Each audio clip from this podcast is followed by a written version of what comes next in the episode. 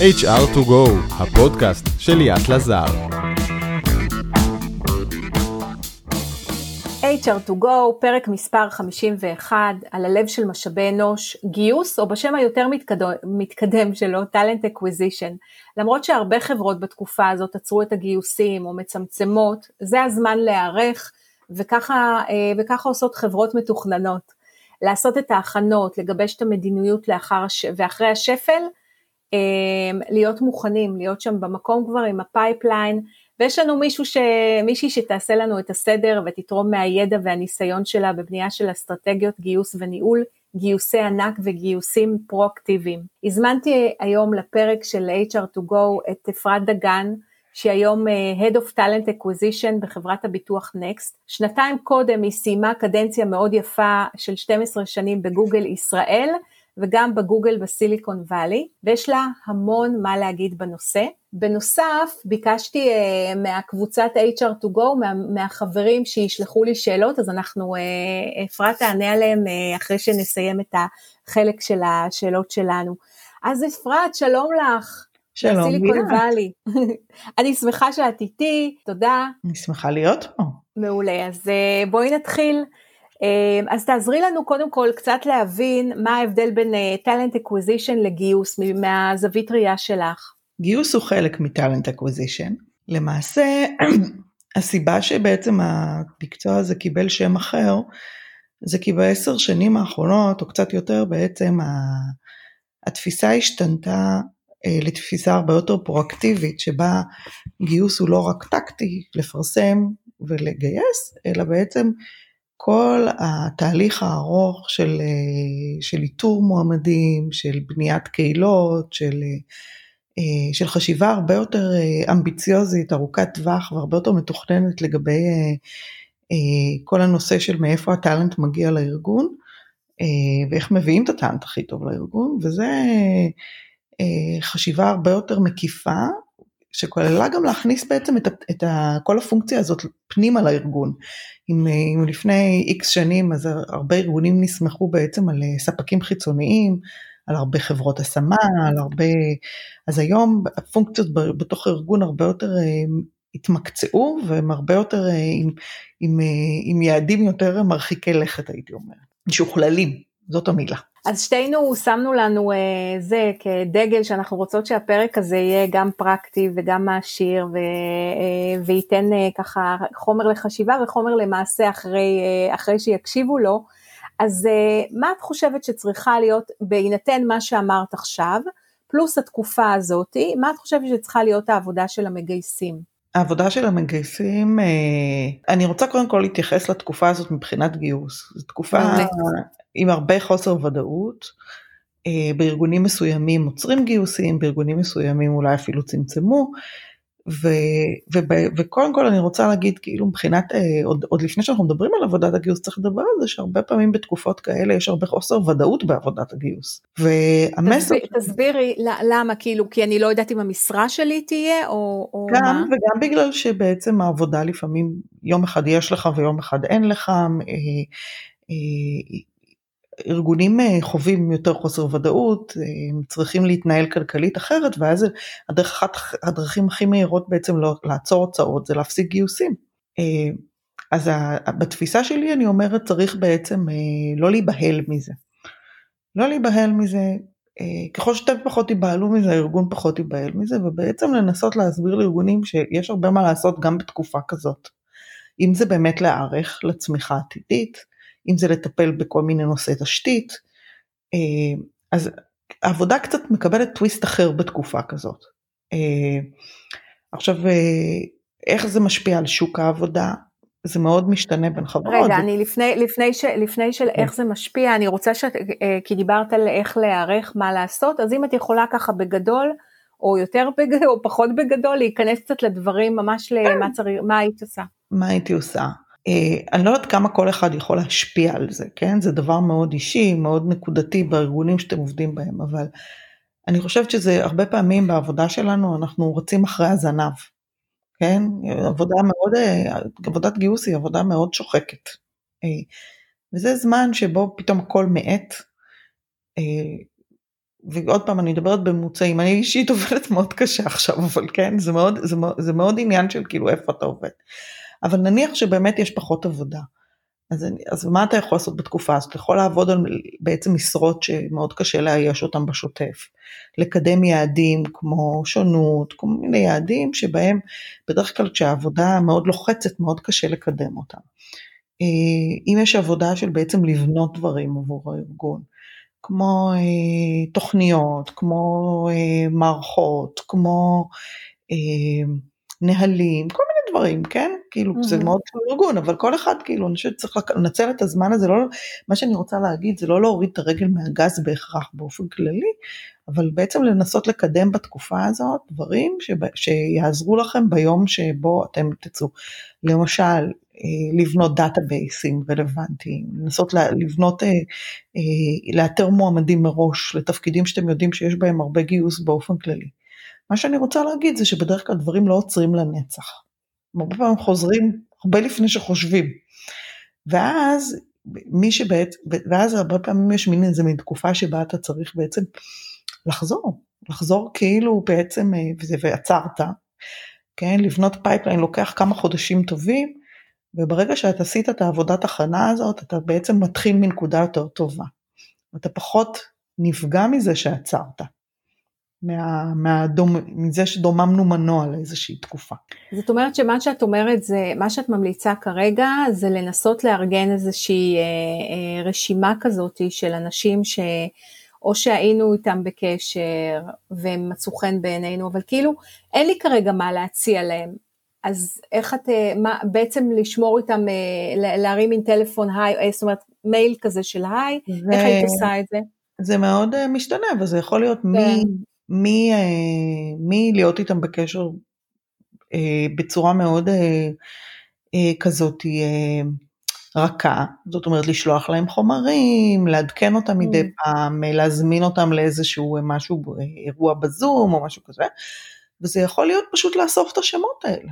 כן, לאסוף, לסדר אותם, לטייב אותם, לחשוב על כאילו איפה נכון לאסוף את הדברים האלה, אה, לנסות ללמוד לקחים אולי מדברים קודמים שעשיתם וללטש אותם. אה, תקופה מעולה כדי אה, לבדוק מה עובד, מה לא עובד, להסתכל על דאטה, לנסות לעשות פרויקטים, כן? כל מיני סוגים של פרויקטים, זה יכול להיות למשל לבחון את האיכות של תהליך הגיוס, זה יכול להיות ללטש את התהליך עצמו, להכשיר. אם זה מראיינים ואם את הגיוס. זה... איך היית עושה את זה? אם אני עכשיו, אה, כאילו יש דרך אגב אה, אה, חשיבות לגודל, זה נניח אני 30 איש או, או מעל 100 לא. איש, או ש... כאילו, אוקיי. אני חושבת שבכל הארגון יש, צריך כמובן להיות רגיש ולהבין שלפעמים בתקופות כאלה, בטח שכולנו עובדים בווידאו היום, אני מניחה שרובנו עדיין, אז, אז, אז אה, אנחנו, יש לנו יותר ישיבות ביום, ו, והרבה פעמים כש, כשמשהו יורד בסדר עדיפויות הארגוני מבחינה עסקית, כן, ואין הרבה גיוס, אז אין לנו צדקה עכשיו להטריף לכולם את המוח עם הרבה פעילות, כן, צריך להיות רגישים לזה, אבל איך אפשר לעשות דברים כאלה? אפשר לעשות קבוצות מיקוד עם מהנדסים וללמוד מהם דברים של איפה הם מבלים את ימיהם ומה גרם להם להגיע, לארגון, להגיע לארגון. אפשר לעשות איזשהו review של, של, כל, של כל הנושא של candidate experience. אפשר, אם יש תפקידים שקשה לכם למצוא בשוטף, לבנות איזו תוכנית הכשר, תוכניות הכשרה אה, למועמדים. אפשר לעשות מלא מלא דברים. יפה. זה נורא, זה נורא תלוי מה האתגרים של אותו ארגון, ואני חושבת, את שאלת על הגודל, אני לא חושבת שזה משנה הגודל, זה עניין של כמה זמן עודף. אני מסכימה איתך. אני חושבת שבכל כן. ארגון יש דברים שלא מגיעים אליהם. ובכל ארגון יש תמיד הזדמנות לעצור שנייה, להסתכל מה אפשר לעשות, ולא חייבים לעשות הכל, מספיק שבוחרים נושא או שניים שהם נראים חשובים. הכי חשוב זה לקשור את זה באמת למטרות העסקיות של הארגון ולהבין מה, מה, איך זה יקדם אותנו ביום, ש, ביום הבא, כן? מה, אנחנו רוצים תמיד להיות כזה ahead of the curve, כן? להיות אה, קצת לפני המחנה, לחשוב כאילו כמה צעדים קדימה לפני השוק ולפני המחנה ולחשוב מה הכי יעזור לנו, כי זה בדיוק מה שעסקים עושים, נכון? מה עסקים עושים בתקופות כאילו שהם נערכים מהדקים קצת, בודק, בודקים מחדש קצת את ההיתכנות העסקית, בודקים כאילו אם הכסף יספיק. אותו דבר הגיוס צריך לעשות, בדיוק אותו דבר, לייעל, ללמוד מה עובד ומה לא עובד ולשפר. צריך, עושים את זה גם בשוטף, אבל לעיתים רחוקות יש מין, מין כמו עם הפוגה כזאת שבה אפשר ממש כאילו להתמקד בזה ול, ולנצל את הזמן. זה זמן זהב הדבר הזה. אז יפה, תראי, זה לוקח אותי ל... במקרה שיש לכם עבודה. כן, זה להגיד. נכון, גם נכון, כן. אבל זהו, זה אנחנו לא בנושא הזה, זה אנחנו צריכים נכון. להקדיש לזה פרק בנפרד. אז אני אקח את, ה, את הניסיון שלך ואת ה-know-how שאת אה, מדברת עליו, קצת הזכרת אותו, ואני, ואני ארצה שתשתפי אותנו מה למדת בעבודת הגיוס שלך בגוגל, שהיא חלק בלתי נפרד ממך, איזה כלים שאת יכולה גם אה, לשתף את מי שמקשיב לנו. את יודעת, זה תמיד מסקרן, וואו, אנחנו רוצים לדעת גוגל היא רפרנס. אני חושבת שמאוד קשה לכמת את זה, זה, הייתי בגוגל 12 שנה, זו תקופה מאוד מכובדת גם מהקריירה שלי וגם בכלל, אה, ולמדתי המון. באמת, אני אפילו, אני מרגישה שזה מאוד עיצב את מי שאני. מבחינה מקצועית, למרות שהיו לי איזה עשר שנות ניסיון לפני שהתחלתי לעבוד בגוגל, אבל אה, זה חלק מאוד ניכר בזה. עכשיו מבחינת אה, מה למדתי? טיפים, למדתי אה, המון דברים. אומרת זה. למדתי מי איך בונים, מי איך בונים pipeline דרך שיטות האיתור של גוגל, כל הנושא של בעצם ה branding, כל הנושא של... אחד הדברים שאני חייבת לציין זה למשל העבודה עם, עם העובדים והמנהלים בגוגל. היא מאוד bottom up, או לפחות היא הייתה ככה, כן? Mm-hmm. בעיקר התקופה שלי בגוגל, שהרבה עבודה של רתימה, הרבה עבודה של בעצם, אה, המהנדסים זה באמת, אה, זה הלונה פארק שלהם גוגל, כן? המפתחים והמהנדסים, ו, ובעצם איך, והרבה פעמים בעצם בפרונט נמצאים האתגרים הטכנולוגיים, וה, ובאמת ההבנה של איך אנחנו בעצם אה, עוזרים להם לעשות עבודה ואיך אנחנו רותמים אותם, כאילו תמיד הייתי, אני חושבת שאחד הדברים היפים בגוגל שזה ארגון מגייס אמיתי, זאת אומרת, אה, אה, אני, אני לא באתי בעצם כאילו ללמד את הגוגלרים איך, איך לעשות דברים, אבל אני מאוד למדתי איך לרתום אותם ולהפוך אותם להיות סוג של סוכנים. בתוך הגיוס כדי להצליח להשיג את ה, בעצם את היעדים שלנו.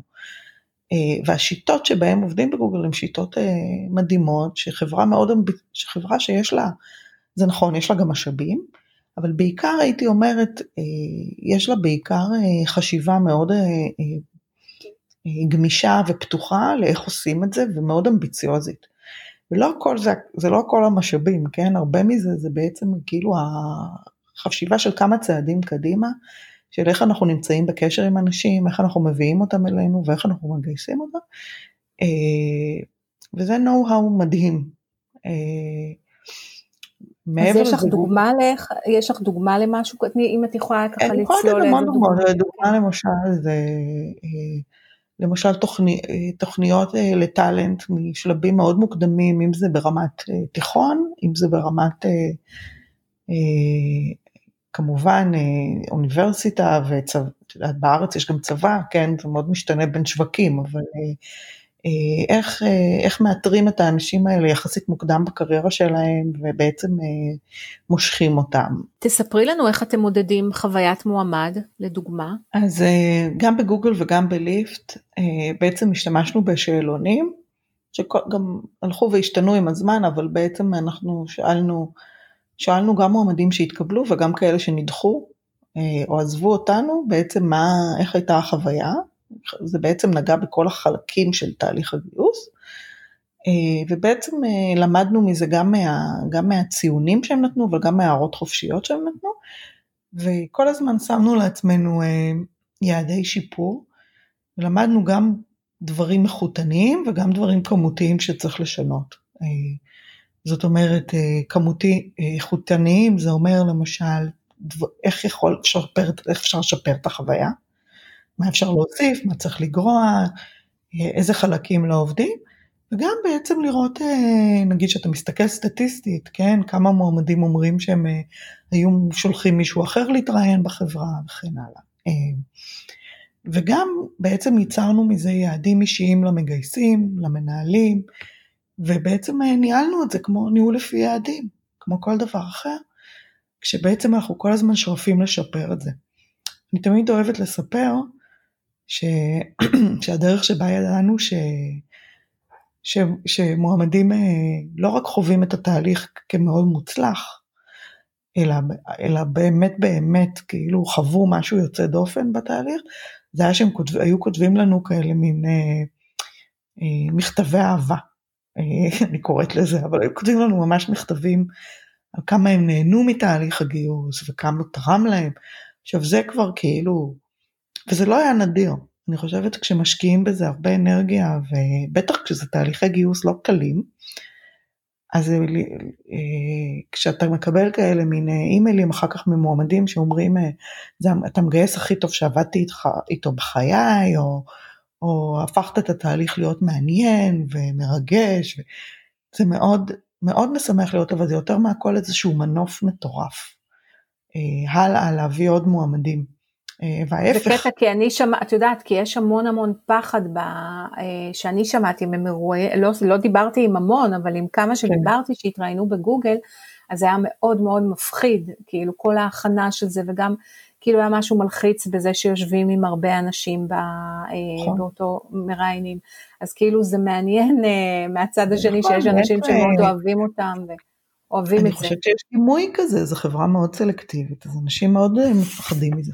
ובאמת התפקיד של המגייסים בגוגל, ואני כבר לא יכולה לדבר בשם גוגל, אבל לפחות מהחוויה שלי, אז הוא הרבה יותר ללוות את המועמדים בתהליך מאשר לראיין אותם. בעצם אין רעיון HR או רעיון גיוס, כן? Uh, ובעצם המגייסים מוליכים את המועמדים דרך התהליך הפתלתל הזה עם השלבים וכל הדברים. אבל, אה, אבל עובדה שאפילו בתהליך שאנשים כל כך חוששים ממנו, הרבה פעמים יוצאים חוויה מאוד חיובית. את זה עשינו גם דרך אגב בליפט, אה, ואני מקווה לבנות משהו כזה גם בנקסט.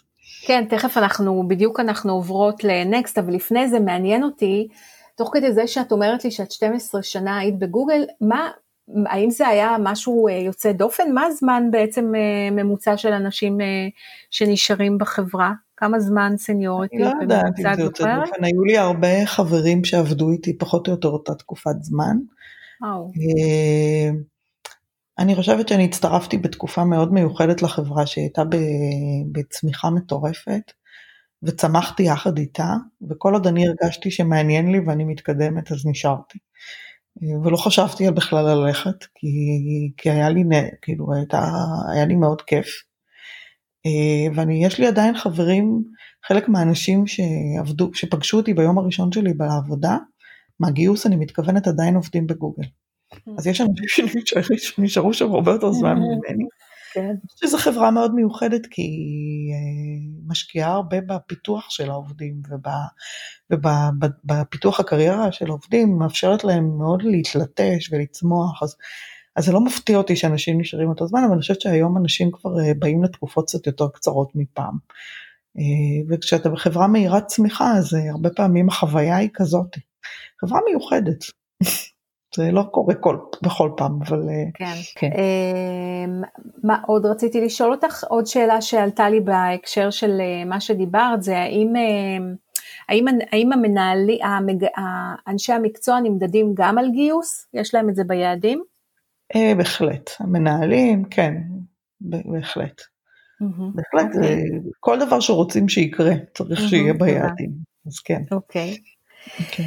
אוקיי, אה, אז עכשיו אני קצת באמת אה, נכנס לתפקיד בנקסט בפברואר, בתקופה הכי לא כיפית להיכנס לארגון, איך את מתכננת אה, לבנות את אסטרטגיית הגיוס של החברה, בכל זאת חברת ביטוח, האם זו אותה אסטרטגיה כמו של חברת הייטק?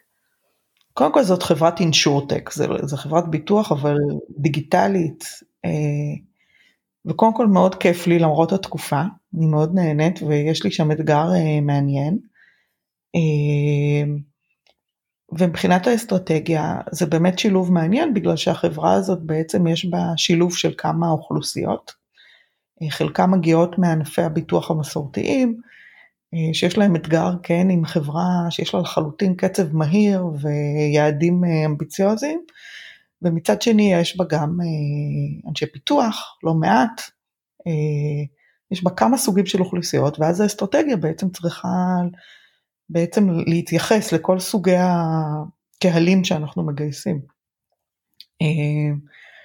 ואני בעצם בונה את זה סביב, ה, אה, סביב האזורים האלה, וזה באמת תקופה מאוד מעניינת, גם עם הנושא של הקורונה, כן, שאנחנו אה, כולנו, אני חושבת, לא רק בנקסט, כן, מתמודדים עם העניין הזה של מה זה אומר, בעצם לגייס עובדים שבעצם לא פגשנו אותם פנים אל פנים, אה, ואיך עושים את זה, ואיך נעבוד ביום שאחרי, זה באמת שאלות שאנחנו מתמודדים איתן. זה עוד לא עשיתי, כאילו. אה, לבנות אסטרטגיה כזאת, אבל זה תמיד אה, מעניין. איך מתחילים, איך מתחילים בעצם אה, לעשות דבר כזה, וגם עכשיו בטח קצת מרחוק, אבל זה, זה אני מניחה שאת אני לא מרחוק, אני בעצם אחראית גלובלית, ואני כבר עובדת mm. גם עם המשרד בישראל, אני אחראית בעצם על שני, על כל המשרדים של נקסט בעולם. איך עושים דבר כזה?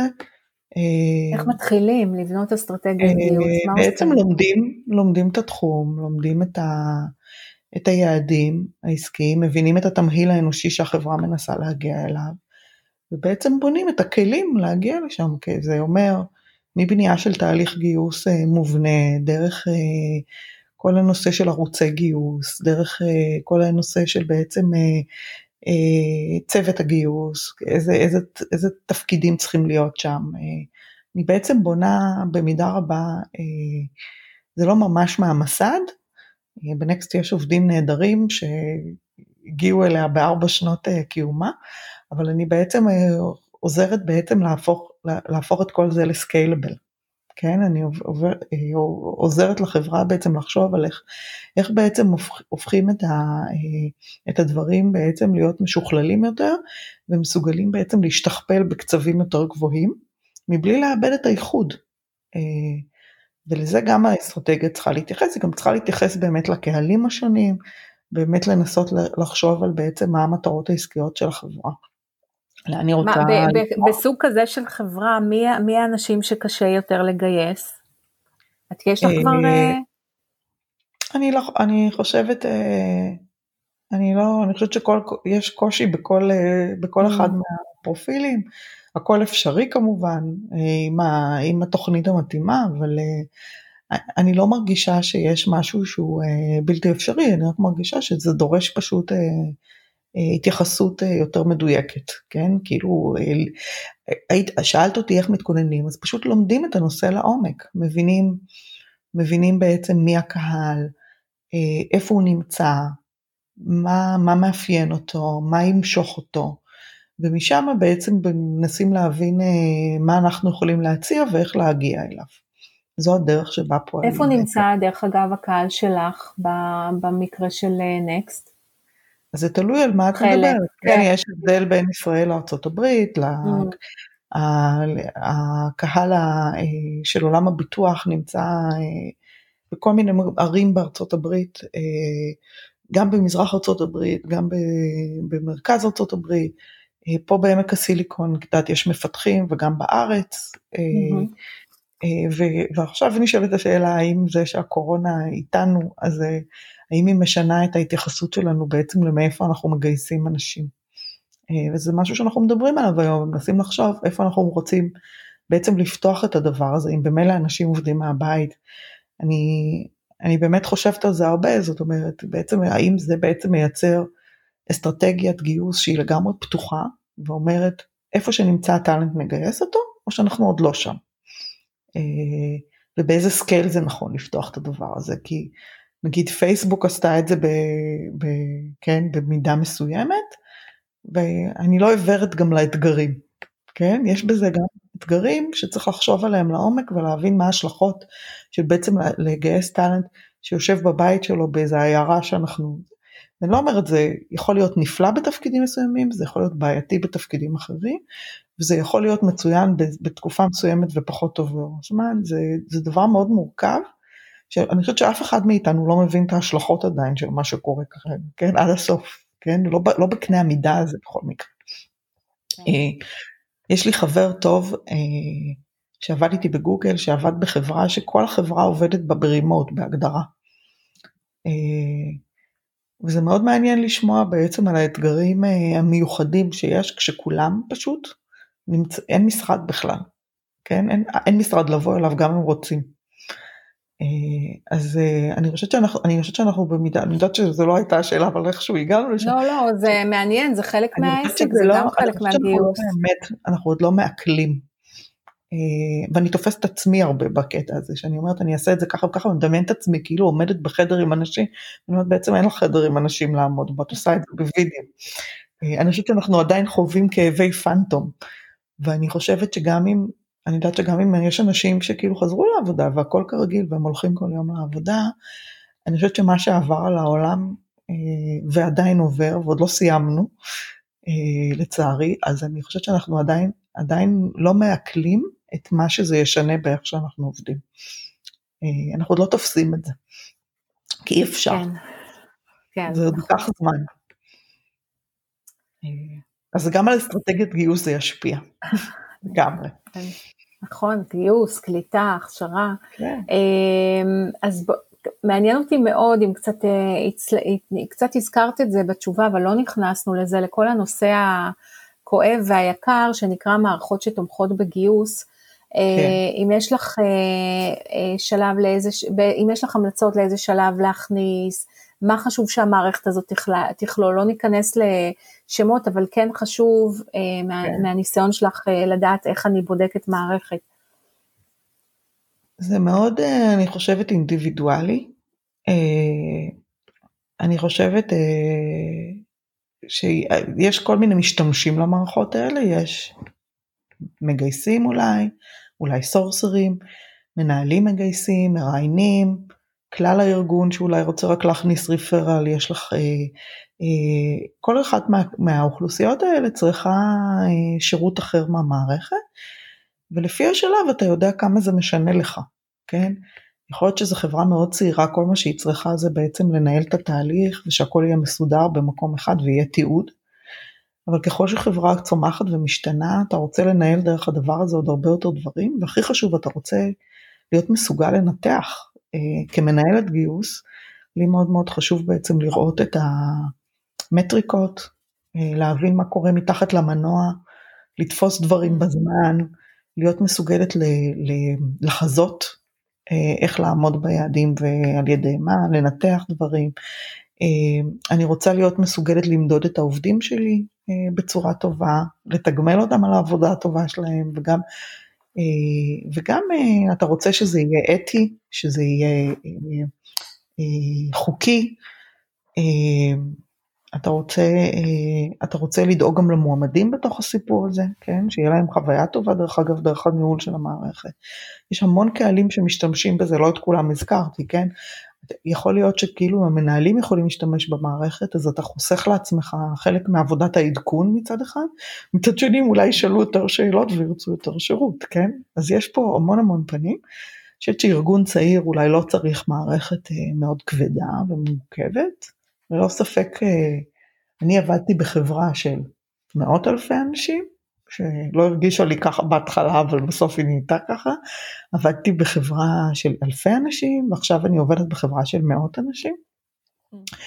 ואולי פעם, לא אולי, עבדתי פעם גם בחברה של 30 איש, כן? עבדתי בכל סדרי הגודל הקיימים ואני חושבת שכאילו כל חברה יש לה צרכים אחרים.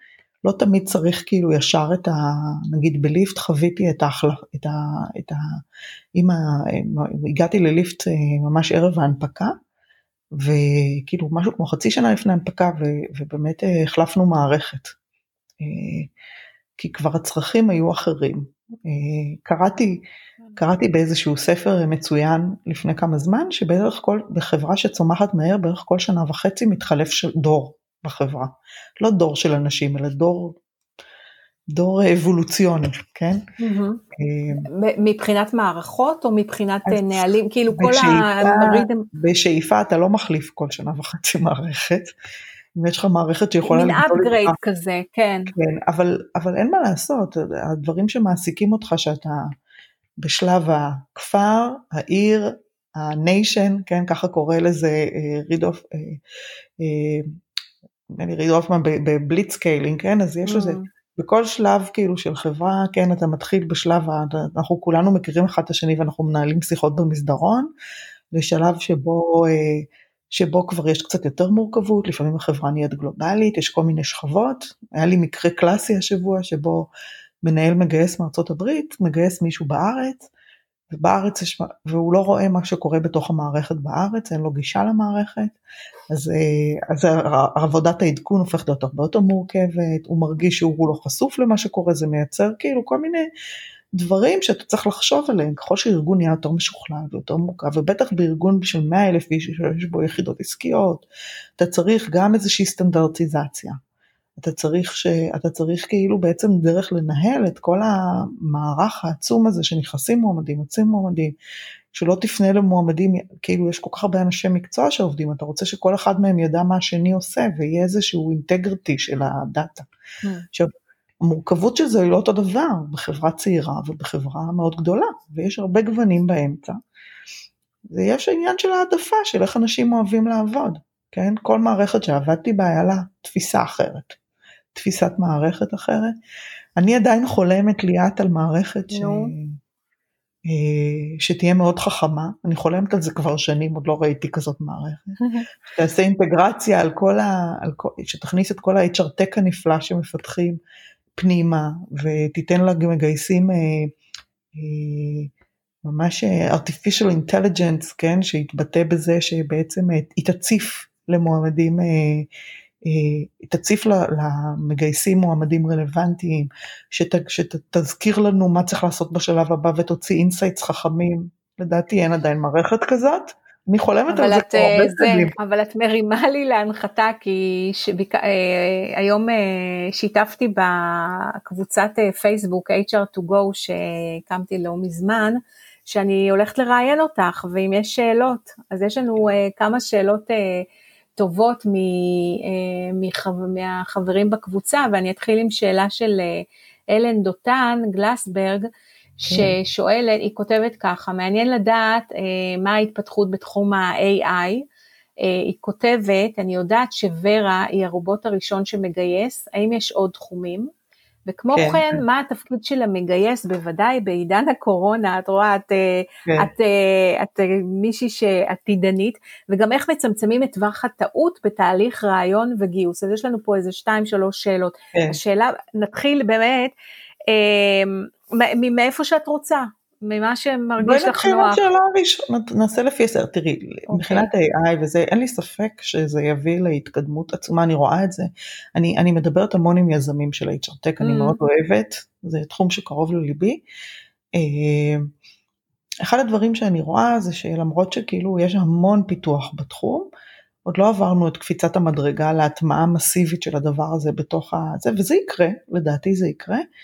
הסיבה שלא עברנו את זה בגלל שכל אחד מהם בעצם נוגע ב, ב, בתחום צר, אה, והרבה פעמים כשמנהל גיוס הוא צריך להחליט אם לשלב איזשהו, אה, איזושהי טכנולוגיה אה, כדי לפשט את העבודה, אז הרבה פעמים מה שקורה זה שהטכנולוגיות האלה לא מצליחות להחליף עדיין מבחינת פרודוקטיביות מספיק בשביל להישען עליהן. אז uh, אני חושבת שככל שהם יעברו אינטגרציה באמת לתוך ה-ATSs, לתוך, ה, לתוך הכלים המיינסטרימים של התהליך שלנו ויהפכו להיות חלק מהשגרות שבהם אנחנו עובדים, אז אנחנו עוד לא נחווה את זה. אבל לדעתי זה לחלוטין יקרה, אין לי בכלל ספק, זה הרבה פעמים יש תקופת מעבר.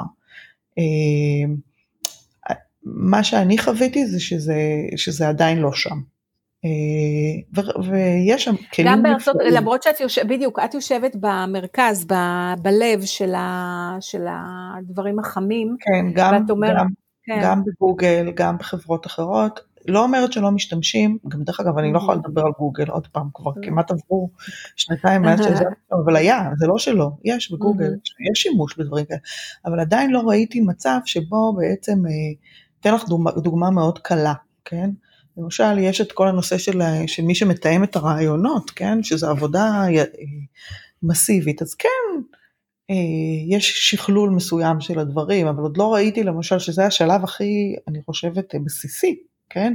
הראשון להתחלף, מישהו שיתאם רעיונות, אין בזה שום... אה, זה, זה כמעט עבודה שיכולה לעשות אוטומטית, כן? כאילו לתאם בין המועמד למראיין דרך יומנים, mm. ועדיין זה לא הוחלף. אז את יודעת, נכון. להחליף את המגייס עוד יש זמן. האם זה יקרה? אני מאמינה שכן. האם על ידי רובוט? אני לא חושבת שמישהו יכול להחליף את העבודה של המגייסים כל כך מהר.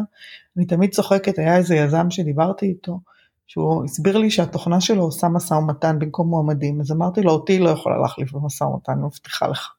אמרתי לו, בוא נעשה תחרות. אבל, אבל אני, מה שאני אומרת זה, אני אומרת, יש הרבה עבודה, יש grudge work, כן? יש הרבה עבודה שחורה בעבודה של מגייס, ששם לגמרי הטכנולוגיה יכולה לעזור לנו. האלגוריתמים עוד צריכים להשתכלל, הם צריכים עדיין ללמוד לעבוד בסקייל, הם צריכים להיכנס לתוך המיינסטרים, וזה יקרה, אין לי ספק שזה יקרה. האם אני חושבת שאיזה רובוט ורה או אחר, אני לא מכירה את ורה, אבל רובוט אחר יחליף אותנו כל כך מהר, אה, לצערי, ואני כותבת על זה הרבה, מוזמנים לחפש בבלוג שלי, זה פוסט שכתבתי על חתונמי דווקא לפני כמה זמן. אנחנו ש... נשים גם קישור. ב... כן, ב... אז אני, אני חושבת ש...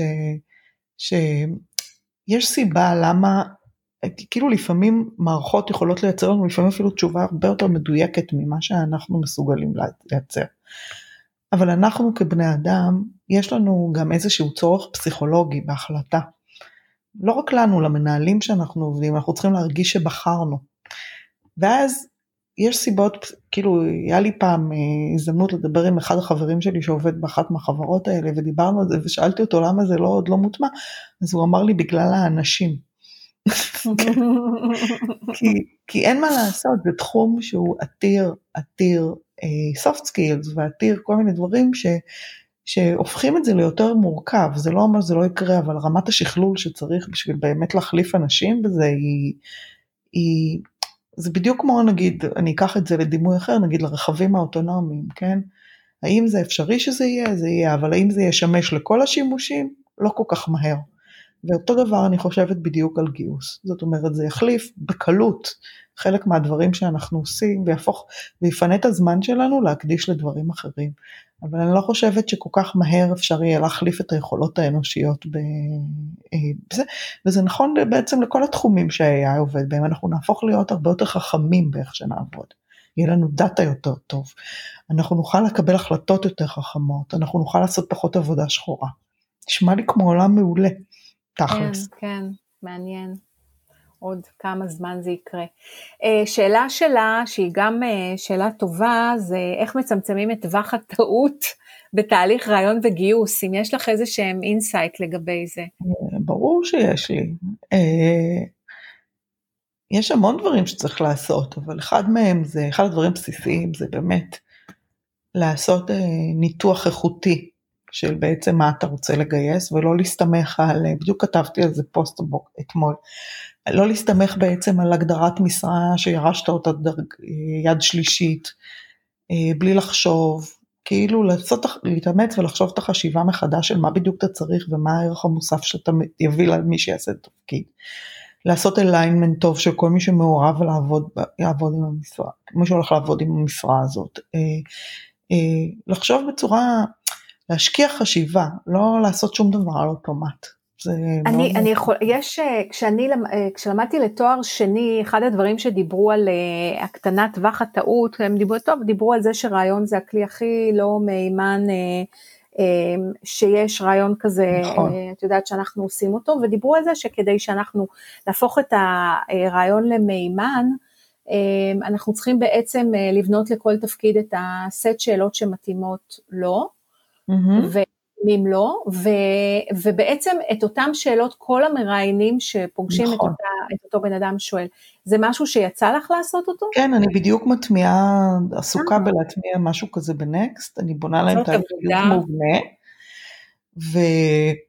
ו, ולגמרי כשבתוך העשייה הזאת יצא לי לקרוא עוד פעם הרבה מהמחקרים בנושא, ואת מאוד מאוד צודקת, אולי אחד הדברים הכי משמעותיים שיש לעשות, זה בעצם לעשות סטנדרטיזציה של תהליך הגיוס עד כמה שאפשר כמובן. Mm-hmm. זאת אומרת, במינימום ש, שיהיה איזושהי חשיבה על מי שואל מה, לעשות איזשהו, לשאול את, אותה, את המועמדים בעצם את אותם, אה, אה, אולי לא בדיוק את אותן שאלות, אבל לכוון לאותם דברים. Mm-hmm.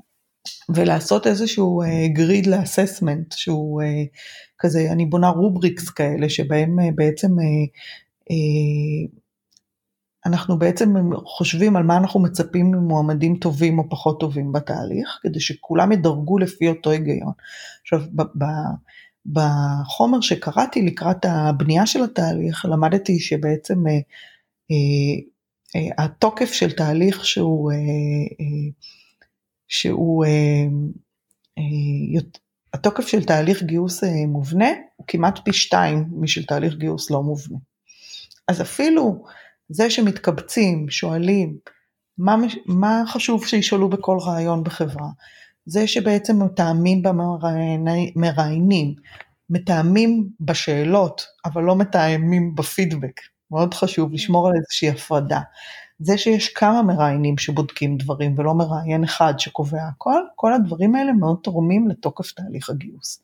לגמרי. אה, אז okay. אוקיי. בהחלט את צודקת, זה לצד הזה, ואחד הדברים זה כמובן גם למדוד את הדברים ולראות כאילו איך לשפר כל הזמן את התוקף, כן? לראות איפה דברים נשברים. אה, וגם לאורך זמן יש לפעמים דברים שמאבדים את זה, כן? אתה מתחיל עוסק או דברים בצורה מסוימת, ופתאום משהו מאבד פוקוס, או שזה פתאום איזה פרופיל אחר שצריך משהו קצת יותר איזה. אה, אה, ועוד דבר מאוד חשוב זה תמיד לזכור זה שגם כשעושים טעויות, בגוגל תמיד אהבו להגיד שהם מעדיפים טעות מסוג 2 מאשר טעות מספר 1. אני רק מזכירה למי שלא זוכר מלימודי כן. הסטטיסטיקה שלו, טעות מספר 2 זה לא גייסנו למרות שהיינו צריכים לגייס, וטעות מספר 1 זה גייסנו למרות שלא היינו צריכים לגייס. Mm, אז כן, השאלה מה אתה מעדיף, יכול להיות שאם אתה מכוון ככה שאתה מעדיף לטעות טעות מסוג 2, אתה תפספס אנשים טובים מדי פעם. אם אתה עושה טעות מספר אחת, אתה יכול להיות שזו טעות מאוד יקרה, אתה מגייס מישהו שלא היה צריך להצטרף ואתה משלם על זה מחיר יקר. אז כאילו זה גם עניין של איפה אתה מכוון את הסננים שלך. על מה, איפה אתה מעדיף, כי תמיד זה המשלים, כן? אם אתה עושה, אתה אומר, אוקיי, אני רוצה להיות מאוד מאוד סלקטיבי, אז אולי יהיו פחות טעויות גיוס, אבל אתה עשוי גם, אה, גם לפספס אנשים מצוינים. וזה גם עניין של כאילו, מי אתה? מה אתה יכול להרשות לעצמך? אתה, בדיוק, ואתה לחוץ, רמת לחץ, גם אה, נכון, מרכיב נכון, בגיוס, נכון. הרי הורגים אותנו. לחץ זה לא דבר תורם לתהליכי כן. גיוס. נכון, בדיוק. לא משהו. כן. נכון. אה, שאלה נוספת שחלק ממנה קצת נגעת, אה, נוגעת לכל התחום של People Analytics, אה, שיפעת יעקב שואלת, אשמח לשמוע מאפרת איך אני חושבת שהתחום נמצא היום מבחינת התפתחות ואם יש כבר המון מידע שזורם במערכות, מה החסמים המרכזיים להפוך אותו לכלי ישים וכלי עבודה ל-HR ולמנהלים. מאיפה שאני באה, אני יודעת כן. שאני הסתובבתי במקומות שאולי לא מאפיינים את כל השוק עד היום, אבל, אה, אבל לגמרי זה, זה משהו שגור בשימוש, הוא חלק לגמרי בתוך אה, שגרת העבודה גם מצד מנהלים וגם מצד המגייסים. אה, איפה, איפה הבעיות? הבעיות הם שמתייחסים לזה בתור שצריך לאמץ חשיבה כזאת. זה לא רק העניין של בעצם אם יש, חלק מזה זה אם יש דאטה זמין, ובעצם כדי לייצר את ה data זמין, בעצם צריך גם לשאול איזה data מעניין אותנו, והרבה פעמים ארגונים בכלל לא מגיעים לשם. הם לא שואלים את השאלות הנכונות, הם לא מגיעים בכלל, אנשים כאילו עובדים נורא קשה, והם כאילו לא, הם לא, הם לא מגיעים בעצם, צריך את המערכת הנכונה בשביל לאסוף את ה data, כדי שתוכל אחרי זה לשלוף משם את מה שאתה צריך mm. כדי לשאול את השאלות, זה כמו שאלת מחקר, מה מעניין אותך, כן? או מה מעניין את ה business, או איזה בעיות יש שאת רוצה לפתור. data זה לא הקלאסי, time to hire, אה, אה, accept rate, כל הדברים האלה שהם חשובים, אני לא אומרת שהם לא חשובים, אבל הרבה פעמים בעצם השאלה של מה, של מה מעניין אותך מבחינת data נגזרת בעצם מהאתגרים שיש לך. שאלות למשל, כאילו אם את רוצה שזה כן. יהיה פרקטי, נגיד אני אומרת, נגיד אני זוכרת שנגיד פעם עם אחד המנהלים שעבדתי איתו רצה לגייס בארץ פרופיל מאוד מאוד ספציפי. וחזרתי אליו עם data בעצם כמה אנשים כאלה יש בישראל, ועשיתי את החישוב של כמה אנחנו יכולים לגייס. והגענו. למסקנה שאין מספיק אנשים. כן. אה, יפה. מלכתחילה, לא יפה.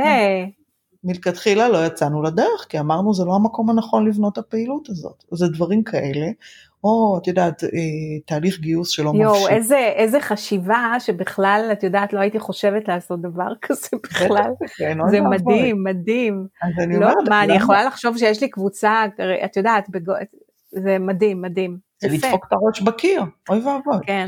אז אני אומרת, זה דבר אחד. אה, אז למשל, אז, אז כן, זה גם זה. עכשיו, חסם שני זה שזה באמת, גם אתה צריך שהרקרוטרים ילמדו לעבוד כך. אתה בעצם צריך להטמיע אצל כל הרקרוטרים חשיבה כזאת, של לבוא למנהלים עם דאטה, לבוא, לשאול את השאלות בצורה כזאת ולעקוב אחרי זה באופן שוטף, זה כמו אק"ג, אה, לב. אתה צריך כל הזמן להסתכל כאילו מה קורה, לאסוף, ללמוד ולשכלל. אה, ו, ואיזה עוד חסמים יש? חסמים יש לפעמים גם מההפוך, שיש יותר מדי data, זה מבלבל.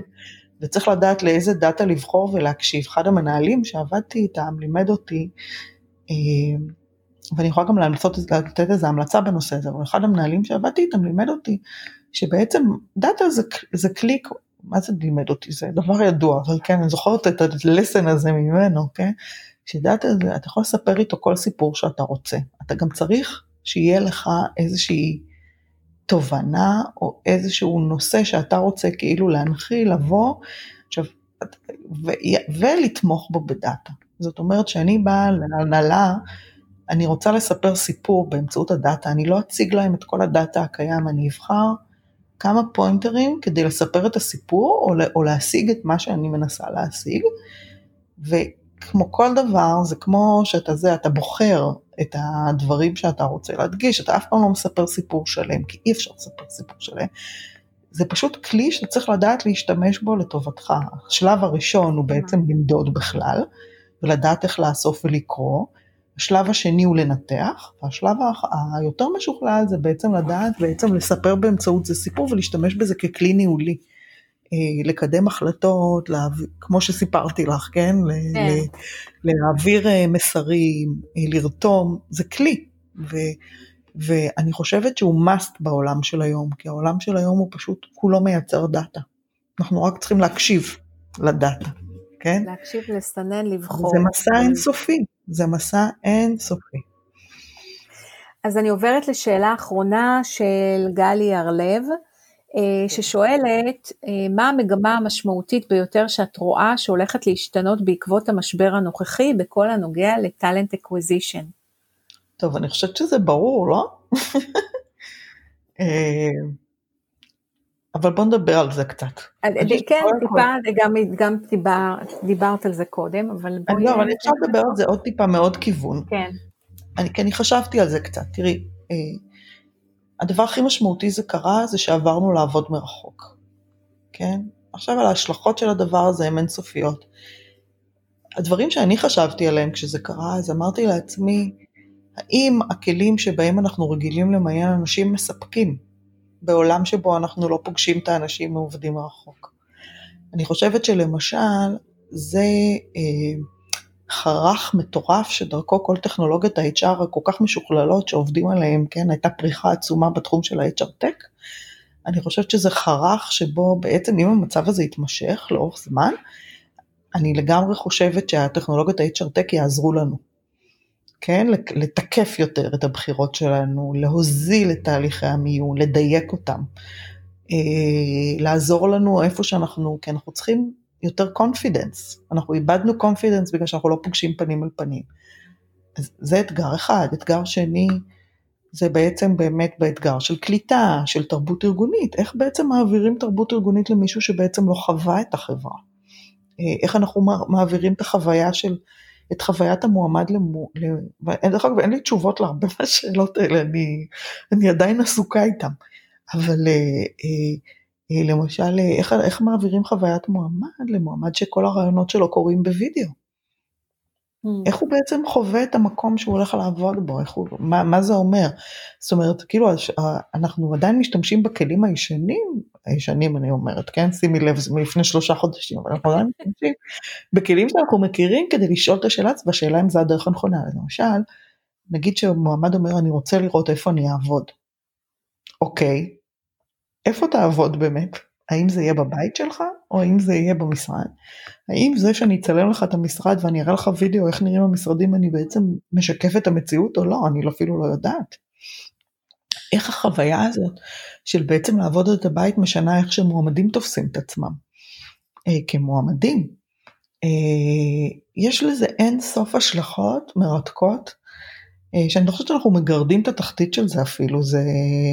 זה מטורף התחום הזה של משאבי אנוש, שכאילו, את יודעת, הוא אין רגע דל, במיוחד לא בתקופת הקורונה, עוד יותר הכניסה אותנו נכון. למרכז של העניינים, ללב. אני חושבת שאנחנו, דרך אגב, לא רק מבחינת המשאבי אנוש, אלא בכלל אנחנו עוד לא מעכלים את מה שקרה, אנחנו עוד רחוקים מלעכל את מה שקרה. זה שכל העולם עבר בבת אחת חוויה כל כך משמעותית ו- ועמוקה, כן? כי זה בריאותי וזה משפיע על כולם, וכולנו נכנסנו הביתה בבת אחת. ואנחנו חווים תקופה של דחק. אה, אני לא בטוחה שאנחנו, אני, אני חושבת שרבים מאיתנו עוד מתנהלים על אוטומט, כי ככה האנושות עובדת, כן? ואנחנו לאט לאט נחווה את ה... אני, אני אומרת לך, אני עדיין חווה בעצמי כל מיני רגשי פנטום כאלה שאני עושה דברים, ואז אני תופסת את עצמי ואני אומרת, רגע, אבל זה לא ככה כבר. כן? כי, כי לוקח זמן לעכל דבר כזה, ואנחנו נראה את מה שזה בעצם עשה רק עוד כמה זמן, אפשר רק לנחש. והניחוש שלי טוב כמו של כולכם, אני לא יודעת, אבל אני, אני מנסה לחשוב על זה, כן? אני מנסה לחשוב ולהביא לתוך הדבר הזה את ה... את ה לפחות את, ה, את הסקרנות, כן? כדי לשאול את השאלות ול, ול, ולנסות לראות כאילו איך, אה, איך פועלים. אני בטוחה שזו גם הזדמנות מטורפת, כן? להמון המון דברים. המון דברים. אה, את יודעת, כאילו אפילו עליי, אני התחלתי לעבוד בתפקיד חדש, ואחרי שבועיים שהייתי במשרד, בעצם אני עובדת מהבית. אה, אז אה, זה באמת חוויה אחרת. וזה ישנה מאוד את, זה ישנה תהליכי גיוס, אין לי ספק. בכלל אין לי ספק. אה, מעולה. לשמוע גם מאנשים שיספרו לנו מה אצלם, זה מעניין כן. לשמוע. נכון, וזה נצטרך אה, באמת אה, להקדיש, אני גם, את יודעת, גם בעקבות הפרק אולי נשמע פידבקים, כן. וגם נמצא עוד דרך. תשמעי, תודה רבה. על, אה, על, ה, על כל הטיפים והשיתוף בניסיון הכל כך עשיר ומגוון שלך, ובאמת, אה, את יודעת, לא, לא, לא יוצא לפגוש אה, כל יום אנשים שעבדו כל כך הרבה שנים בארגון, ובארגון כמו גוגל, שנחשב מתקדם מהרבה בחינות. אז תודה, ואני כבר מחכה שתחזרי לארץ ונוכל להיפגש, ואני מבינה שזה יהיה בעוד. אז אה, זה עדיין, אה, אני עוד לא יכולה לפרסם את התאריך בקיצור, אבל זה יהיה עוד, זה עוד יהיה הקיץ, עוד אה, מעט אוקיי, הקיץ. כן, זהו, כן, מעולה. את מבינה, את מבינה שזה עוד דבר שקשה לענות עליו. כן, זהו, אמרתי בקיץ, אני רגע חושבת, הנה אנחנו כבר בקיץ, בסדר. לא, לא, עוד עוד כחודש, חודש וחצי, אבל עוד אין לי, אני לא יכולה עוד להתחייב לך לתאריך פה. אבל אה, תודה רבה, אני מאוד נהניתי, ואני כמובן אשמח לשבת לקפה, לקפה עם מסכה, כמו שאומרים.